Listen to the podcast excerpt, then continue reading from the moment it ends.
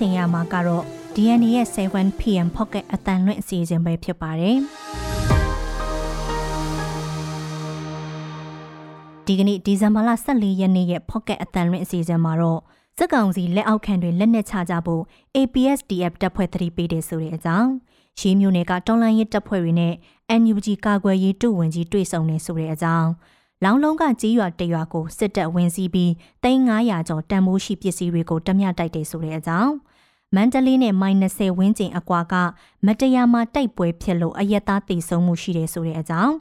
နမ်ဆန်မြို့တိုက်ပွဲမှာတေတခန့်တအူးပြစ်ခတ်ခံရပြီးတေဆုံးနေဆိုတဲ့အကြောင်းစတဲ့ပြည်တွင်းသတင်းတွေနဲ့အိန္ဒိယလွတ်တော်ညီလာခံခမ်းမထဲအထိကျူးကျော်ဆန္ဒပြသူတွေကြောင့်အထိတ်တလန့်ဖြစ်တယ်ဆိုတဲ့အကြောင်း တီလီလင်ကာမှာစင်ကြီးတကောင်ကအစားအသောက်ဓမြတိုက်တာခံခဲ့ရတဲ့ဩစတြေးလျမိသားစုဆိုတဲ့အကြောင်းစတဲ့နိုင်ငံတကာသတင်းတွေကိုနားဆင်ရမှာပါရှင်ဒီစီစဉ်ကိုတော့ကျမနန်းခမ်းနဲ့ကိုမောင်သိန်းကတင်ဆက်ပေးသွားပါမယ်အခုပြည်ရင်းသတင်းများကိုတင်ဆက်ပေးပါမယ်ပထမအဦးဆုံးသတင်းတစ်ပုဒ်အနေနဲ့စက်ကောင်စီလက်အောက်ခံတွေလက်နက်ချဖို့ ABSDF တပ်ဖွဲ့တတိပေးတဲ့အကြောင်းကိုပြောပြပေးပါမယ်။ သကိုင်းတိုင်းအထက်ပိုင်းအင်းတော်မြို့နယ်တဲကမော်လူးမြို့ကိုတိုက်ခိုက်သိမ်းပိုက်ခဲ့ပြီးနောက်တခြားစစ်ကောင်စီလက်အောက်ခံတွေအနေနဲ့လက်နက်ချပူးပေါင်းကြဖို့ចောင်းသားတပ်မတော် ABSDF မြောက်ပိုင်းကတတိပေးတိုက်တွန်းလိုက်ပါတယ်။ကချင်လွတ်လပ်ရေးတပ်မတော် KIA PDF နဲ့ ABSDF ပူးပေါင်းတပ်တွေဟာမော်လူးမြို့မှာနောက်ဆုံးကျန်နေတဲ့စစ်ကောင်စီခံတပ်ရဲစခန်းကိုမနေ့ကမနက်ပိုင်းမှာ၄နာရီကြာတိုက်ခိုက်ပြီးသိမ်းပိုက်နိုင်ခဲ့တာဖြစ်ပါတယ်။ အဲ့ဒီတိုက်ပွဲမှာစစ်ကောင်စီဘက်က18ဦးသေဆုံးပြီးတုံပန်း9ဦးဖမ်းမိကလက်နက်မျိုးစုံ22လက်ကြီး3500ကျော်တခြားခဲယမ်းတွေနဲ့စစ်အုံဆောင်တွေအပြင်ရုံသုံးပစ္စည်းတချို့ကိုလည်းတင်စီနိုင်ခဲ့တယ်လို့ ABSDF မြောက်ပိုင်းကဒီကနေ့မနက်မှာထုတ်ပြန်အသိပေးထားပါတယ်။မော်လူးမျိုးသိန်းတိုက်ပွဲအတွင်းတော်လန်ရေးတပ်တွေဘက်ကတော့နှစ်ဦးကြာဆုံးကတဦးတန်ရာရခဲ့တယ်လို့လည်းသိရပါဗျ။ မြို့သိန်းတိုက်ပွဲဖြစ်နေချိန်မှာမိုးရင်းမြို့နယ်အခြေဆိုင်စစ်ကောင်စီရဲ့အမြောက်စစ်စင်ရေးကုကဲမှုဌာနချုပ်အမတ934ကဟောင်ဝစ်စာတွေနဲ့ပြစ်ခတ်ခဲ့တယ်လို့တိုက်ပွဲအပြီးမှာလည်းလေရင်နဲ့ပုံကျဲတာစက်တနက်နဲ့ပြစ်ခတ်တာတွေလုပ်ခဲ့တယ်လို့ဆိုပါတယ်။စစ်ကောင်စီရဲ့လေကြောင်းအနေရကြောင့်မော်လူးမြို့ကန်ပြည်သူတသောင်းဝန်းကျင်စစ်ဘေးတင်းရှောင်နေရတယ်လို့လည်းသိရပါဗျ။ တော်လန်ရေးပူပေါင်းတပ်တွေကမော်လူးမြို့ကိုသိမ်းပိုက်လိုက်နိုင်တာကြောင့်သကိုင်းတိုင်းမှာကော်လင်ခမ်ပတ်ဟုံးမလင်းမြို့နယ်ရွှေပြည်မြို့တစ်တို့နောက်ပိုင်းမော်လူးမြို့ဟာစတုဒ္ဒမြို့သိမ်းနိုင်တဲ့မြို့ဖြစ်လာပါတယ်။ဆက်လက်ပြီးပြောပြချင်တဲ့အကြောင်းကတော့ရှီးမြို့နယ်ကတော်လန်ရေးတပ်ဖွဲ့တွေနဲ့ NUG ကာကွယ်ရေးတုဝင်ကြီးတွေ့ဆုံနေဆိုတဲ့အကြောင်းပါ။အမျိုးသားညီညွတ်ရေးအစိုးရကာကွယ်ရေးဝန်ကြီးဌာနဒုတိယဝန်ကြီးနိုင်ကောင်းရွှဟာမွန်ပြည်နယ်ရေးမြို့နယ်တောင်ပိုင်းအခြေဆိုင်ဒေါ်လာရစ်တပ်ဖွဲ့တွေနဲ့ ပြီးခဲ့တဲ့ရက်ပိုင်းကတွားရောက်တွေ့ဆုံခဲ့တယ်လို့အဲ့ဒီဝင်ကြီးဌာနကအသိပေးထားပါတယ်။ဒေါ်လာရစ်တပ်ဖွဲ့တွေနဲ့ NUG တူဝင်ကြီးတို့တွေ့ဆုံမှုအတွင်းစစ်စင်ရေးကိစ္စတွေဆွေးနွေးခဲ့ကြတယ်လို့ပြည်သူ့ကာကွယ်ရေးတပ်မတော်တပ်ဖွဲ့စည်းမှုဆိုင်ရာထောက်ပို့တပ်ကိစ္စတွေကိုတူဝင်ကြီးကရှင်းပြခဲ့ပြီးတော့ဒေါ်လာရစ်တပ်တွေကတော့အခက်အခဲတွေလိုအပ်ချက်တွေကိုဆွေးနွေးခဲ့ကြတယ်လို့ဆိုပါတယ်။အဲ့ဒီတွေ့ဆုံမှုအတွင်း NUG ကာကွယ်ရေးဝန်ကြီးဌာနရဲ့တောင်ပိုင်းတိုင်းစစ်ဒေတာတာဝန်ရှိသူတွေအပါအဝင်ရေးမြို့နယ်မှာအခြေစိုက်လှုပ်ရှားနေတဲ့မွန်ပြည်တော်လှန်ရေးတပ် MSRF ဒေါနာစစ်ကြောင်း APSDF တပ်ရင်တစ်ရေးပြောက်ကြတဲ့ YGF ရေး Defense Force YDF Moon State Revolution Organization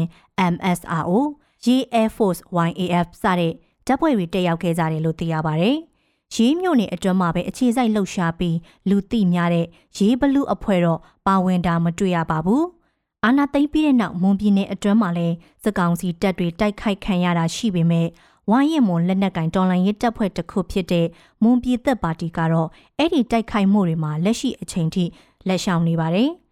NLD အစိုးရလက်ထက်မှာတနိုင်ငံလုံးပြစ်ခတ်တိုက်ခိုက်မှုရက်စဲရေးစာချုပ် NCA လက်မှတ်ရေးထိုးခဲ့တဲ့မွန်ပြည်သက်ပါတီဟာအာဏာသိမ်းပြီးတဲ့နောက်မှာလည်း NCA မူကိုဆက်လက်ဆွဲကင်ထားတယ်လို့ပြောထားပါတယ်။ NUG ကာကွယ်ရေးတူဝင်ကြီးနိုင်ကောင်းရွက်ဟာမွန်ပြည်သက်ပါတီတပ်ဖွဲ့ဝင်အရာရှိဟောင်းတအုပ်ဖြစ်ပြီးအဲ့ဒီတပ်ဖွဲ့မှာ35နှစ်ကြာတာဝန်ထမ်းဆောင်ခဲ့ပြီးတဲ့နောက်2008ခုနှစ်အငိမ့်စားယူခဲ့က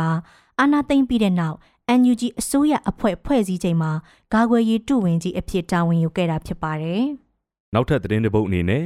လောင်းလုံးကကြေးရွာတရွာကိုစစ်တပ်ဝင်စီးပြီးသိန်း900ကျော်တန်ရှိပစ္စည်းတွေဓမြတိုက်ခံရတဲ့အကြောင်းကိုပြောပြပေးပါမယ်တနင်္သာရီတိုင်းလောင်းလုံးမြို့နယ်ညင်းမော်ကျွော်မှာရှိတဲ့နေအိမ်26လုံးလောက်ကိုဒီဇင်ဘာလ23ရက်မနေ့ည7:00နာရီကျော်လောက်မှာစစ်ကောင်စီတပ်ဖွဲ့ဝင်တွေဝင်ရောက်စီးနင်းပြီးစုစုပေါင်းကာလတန်ဖိုး300ကျော်တန်ဖိုးရှိရွှေငွေနဲ့ဆိုင်ကယ်တွေကိုအဓမ္မယူသွားကြတယ်လို့ရွာကန်တွေက DNA ကိုပြောပါတယ်။ လောင်လုံးမျိုးနဲ့တမိုင်ဝင်းကျင်အကွာမှာရှိတဲ့ညင်းမော်ရွာတဲ့ကိုကားငယ်၅စီးနဲ့ရောက်လာတဲ့အင်အား40ဝန်းကျင်ပါစစ်ကောင်စီတပ်ဖွဲ့ဝင်တွေဟာတစုံတစ်ယောက်ကိုဖမ်းဆီးဖို့တိုက်ပွဲဖြစ်လို့လာတာမျိုးမဟုတ်ပဲတန်ဖိုးရှိပစ္စည်းတွေယူဖို့တတ်တတ်ရွာထဲရောက်လာကြတာလို့ရွာကန်တွေကပြောကြပါတယ်။အဲ့ဒီစစ်ကောင်စီတပ်ဖွဲ့ဝင်တွေဟာရွာကန်တွေစီကနေငွေသားကျပ်သိန်း130ကျော်ရွှေကိုးကျပ်သားထက်မနည်းကျပ်သိန်း330ကျော်စိုက်ကယ်9စီးနဲ့ဖုန်းလုံး20လောက်ကိုလည်းယူဆောင်သွားကြတယ်လို့သိရပါတယ်။ တချို့နေအိမ်တွေမှာတော့တန်မိုးရှိပစ္စည်းတွေကိုယူသွားတဲ့အပြင်အိမ်မှာမွေးထားတဲ့ကြက်တွေကိုပါရိုက်သက်ပြီးယူသွားကြတယ်လို့ရွာကန်တွေကပြောပါတယ်။ဒါအပြင်ရာဘာဆေးချစ်ဖို့သွားဖို့မြင်းမော်ရွာတဲ့ဖြတ်တန်းသွားလာနေတဲ့အလုတ်သမားတွေကိုလည်းစစ်ကောင်စီတပ်ဖွဲ့ဝင်တွေလိုက်လံပစ်ခတ်ခဲ့ပေမဲ့အလုတ်သမားတွေတော့ထိခိုက်မှုမရှိဘဲထွက်ပြေးလွတ်မြောက်သွားတယ်လို့သိရပါဗျ။ည7:00နာရီကျော်လောက်မှာတော့အဲ့ဒီစစ်ကောင်စီတပ်ဖွဲ့ဝင်တွေဟာလောင်းလုံးဘက်ပြန်တက်သွားကြပြီးရွာကန်တွေကိုဖမ်းဆီးသွားတာမျိုးတော့မရှိပါဘူး။ လောင်လုံးမြို့နယ်အတွင်းမှာစစ်ကောင်စီတပ်ကကြေးရွာတွေကိုစစ်ကြောင်းထိုးသွားလာပြီးနေအိမ်မီးရှို့တာတံမိုးရှိပစ္စည်းတွေကိုရှာဖွေယူသွားတာမျိုးမကြာခဏလုပ်လေရှိပါတယ်။ဆက်လက်ပြီးတော့မန္တလေးနဲ့မိုင်20ဝန်းကျင်အကွာကမတရားမှတိုက်ပွဲဖြစ်ပွားလို့အယက်သားတည်ဆုံမှုရှိတယ်ဆိုတဲ့အကြောင်းကိုပြောပြပေးသွားပါမယ်။မန္တလေးမြို့မြောက်ဘက်မိုင်20အကွာမတရားမြို့နယ်အရှိချမ်းဒေသတွေမှာတအန်တက် TNL မန္တလေးပြည်သူ့ကာကွယ်ရေးတပ်မတော် MTY PDF နဲ့ စစ်ကောင်စီတပ်တို့ကြားအခုရက်ပိုင်းအတွင်းတိုက်ပွဲတွေဖြစ်ခဲ့ပြီးတော့လက်တလောစစ်ရေးတမ်းမာနေတယ်လို့တော်လန်ရေးအင်အားစုတွေနဲ့မြို့ခံတွေကပြောပါတယ်။မတရားမြို့နယ်အရှိချမ်းမှာရှိတဲ့တဖန်ကိုင်းကြေးရွာကိုရေစိုးတောင်ပေါ်မှာအထိုင်ချထားတဲ့စစ်ကောင်စီတပ်ကမနေ့ညကလက်နက်ကြီးနဲ့ပစ်ခတ်ခဲ့တာကြောင့်ခလင်းငယ်2ဦးအပါအဝင် အမျိုးသမီး3ဦးသေဆုံးသွားတယ်လို့ဒေသခံတွေကပြောပါတယ်။ဒါအပြင် စစ်ကောင်စီတပ်တွေဟာစူးလေကုန်းရွာကိုလည်းမနေ့ညပိုင်းကစစ်ကြောင်းထိုးဝင်ရောက်ခဲ့ပြီးတော့နေအိမ်တချို့ကိုမိရှို့ဖျက်ဆီးခဲ့ပါသေးတယ်။အဲ့ဒီမတိုင်မီဒီဇင်ဘာလ12ရက်ကတော့မတရားမြို့အရှိဖက်ချမ်းကြောက်တရာကြေးရွာကဖုန်ကြီးကျောင်းမှာတက်ဆွဲထားတဲ့စစ်ကောင်စီတပ်ဖွဲ့ကိုမဟာမိတ်တအန်းတက် TNL ရဲ့ဖွဲ့နဲ့ပူးပေါင်းဝင်ရောက်တိုက်ခိုက်ခဲ့ပြီးတိုက်ပွဲဖြစ်ချိန်နှစ်နာရီနီးပါးကြာခဲ့တယ်လို့ MDY PDF တာဝန်ရှိသူကိုအော့စမွန်က TNL ကိုပြောပါတယ်။ အဲ့ဒီတိုက်ပွဲမှာစစ်ကောင်စီတပ်က3ဦးသေဆုံးခဲ့ပြီး2ဦးကိုလက်နက်နဲ့တကွဖမ်းဆီးရမိကဒဏ်ရာရသူတွေများသလိုထွက်ပြေးသွားသူတွေလည်းရှိပြီးတော့လက်နက်ခဲယမ်းတွေကိုလည်းတင်စီရရှိခဲ့တယ်လို့သူကဆိုပါတယ်။ပြည်သူ့ကာကွယ်ရေးတပ်ဖက်ကတော့တပ်ဖွဲ့ဝင်တဦးကြဆုံးခဲ့တယ်လို့သိရပါဗျ။ကြောက်တရာရွာမှာတိုက်ပွဲဖြစ်နေချိန်မတရားမြို့ပေါ်အခြေစိုက်တဲ့စစ်ကောင်စီတပ်ကလက်နက်ကြီးတွေနဲ့ပစ်ကူပေးခဲ့ပြီးကြောက်တရာရွာအနီးကရှမ်းရွာရှားစီ ချက်ကြီးစတဲ့ကြီးရွာတွေဖက်လက်နက်ကြီးကြီးတချို့ကြာရောက်ပောက်ကွဲခဲ့တယ်လို့ဒေသခံတွေကပြောပါတယ်။မန္တလေးတိုင်းနဲ့ရှမ်းပြည်နယ်အဆက်ဒေသဖြစ်တဲ့မတရားမြို့နယ်အရှိချမ်းကြီးရွာတွေမှာတော်လန်ရေးအင်အားစုတွေခြေကုပ်ယူနေတယ်ဆိုပြီး2021ခုနှစ်ကတည်းကအဲ့ဒီဒေသထဲကိုစစ်ကောင်စီကစစ်ကြောင်းထိုးမိရှုပ်တာတွေလုပ်ခဲ့ပါတယ်။ TNL ပါဝင်တဲ့ညီနောင်မဟာမိတ်၃ဖွဲ့က1020ခွန်စစ်စင်ရေးကြီးညာပြီးရှမ်းမြောက်မှာထိုးစစ်ဆင်ချိန် အော်တိုဘာလလကုံပိုင်းကစလို့မတရားနယ်ထဲမှာ TNL တပ်တွေပါလှုပ်ရှားနေကြောင်းပေါ်ပေါ်ထင်ထင်သတင်းထုတ်ပြန်တာတွေရှိလာပါတယ်။ပြီးခဲ့တဲ့နိုဝင်ဘာလ29ရက်နေ့ကတော့အဲ့ဒီဒေသထဲကစက်ကောင်စီစက်ခန်းတချို့ကို TNL နဲ့မန္တလေး PDF ပူပေါင်းတပ်ကတင်ပိုက်ခဲ့ပြီးတော့တုံပန်းတွေနဲ့လက်နက်ခဲယမ်းတွေရရှိခဲ့တယ်လို့ထုတ်ပြန်ခဲ့ပါတယ်။နောက်ဆုံးသတင်းတစ်ပုဒ်အနေနဲ့နန်းဆန်မြို့တိုက်ပွဲမှာဒေသခံတအူပြစ်ခတ်ခံရပြီးတေဆုံးတဲ့အကြောင်းကိုပြောပြပေးပါမယ်။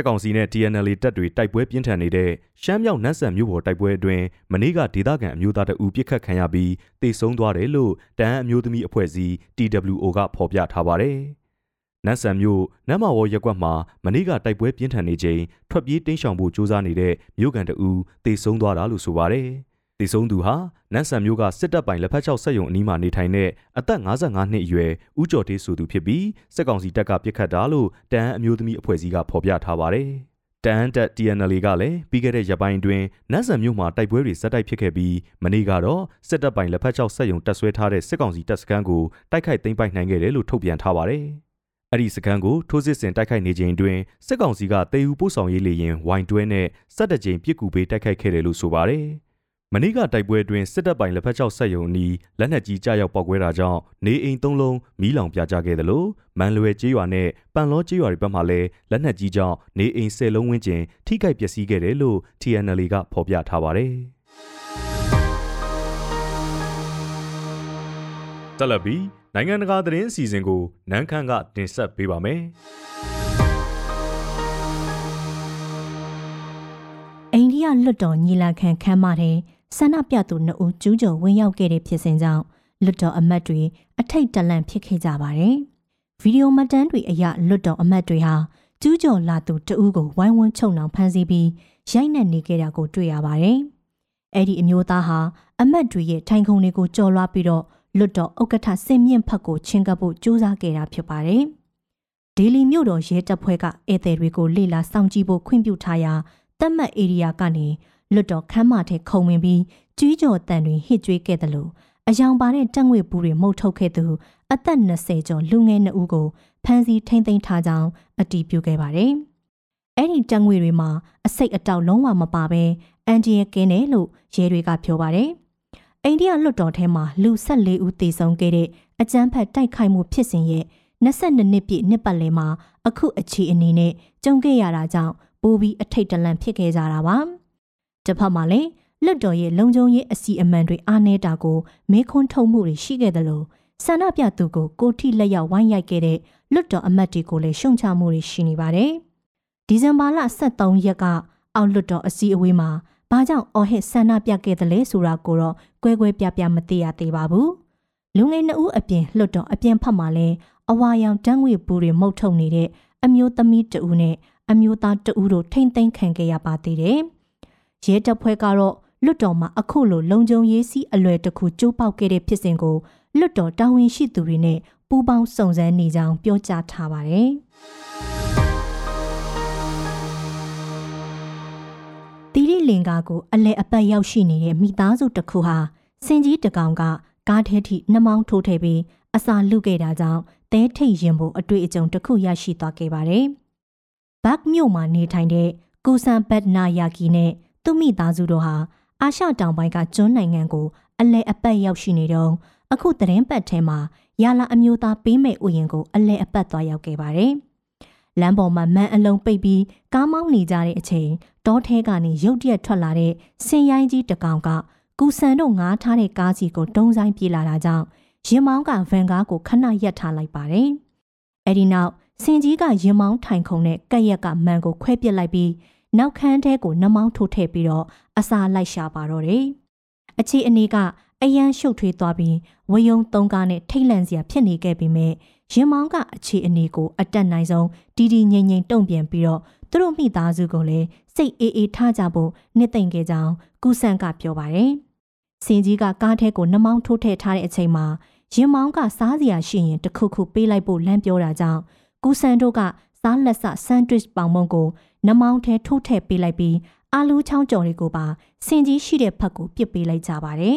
။စင်ကြီးကအစာအစာတွေနဲ့ပြားများနေတဲ့အချိန်မှာသူတို့ကားကိုမြန်မြန်မောင်းပြီးထွက်ပြေးလာခဲ့ကြကြောင်းဇာလက်ဆမုံတွေကသူတို့ရဲ့အသက်ကိုကယ်ဆယ်လိုက်တယ်လို့ခန်းစားမိကြောင်းကုဆန်ကပြောပါတယ်။သူတို့မိသားစုဟာတီးလင်လင်ကခရီးစဉ်မှာစင်တကောင်ကတမရတိုက်တာခံရလိမ့်မယ်လို့ရောင်လို့တောင်မတွေးမိခဲ့ဘူးကြောင်းလဲကုဆန်ကဆိုပါတယ်။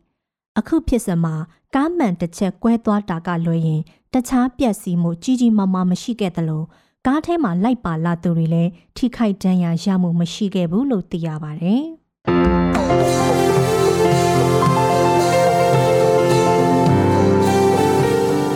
DNA ရဲ့ Pocket အတန်ရင်းအစီအစဉ်ကိုအပတ်စဉ်တနင်္လာနေ့ကနေတောက်ကြနေ့အထိည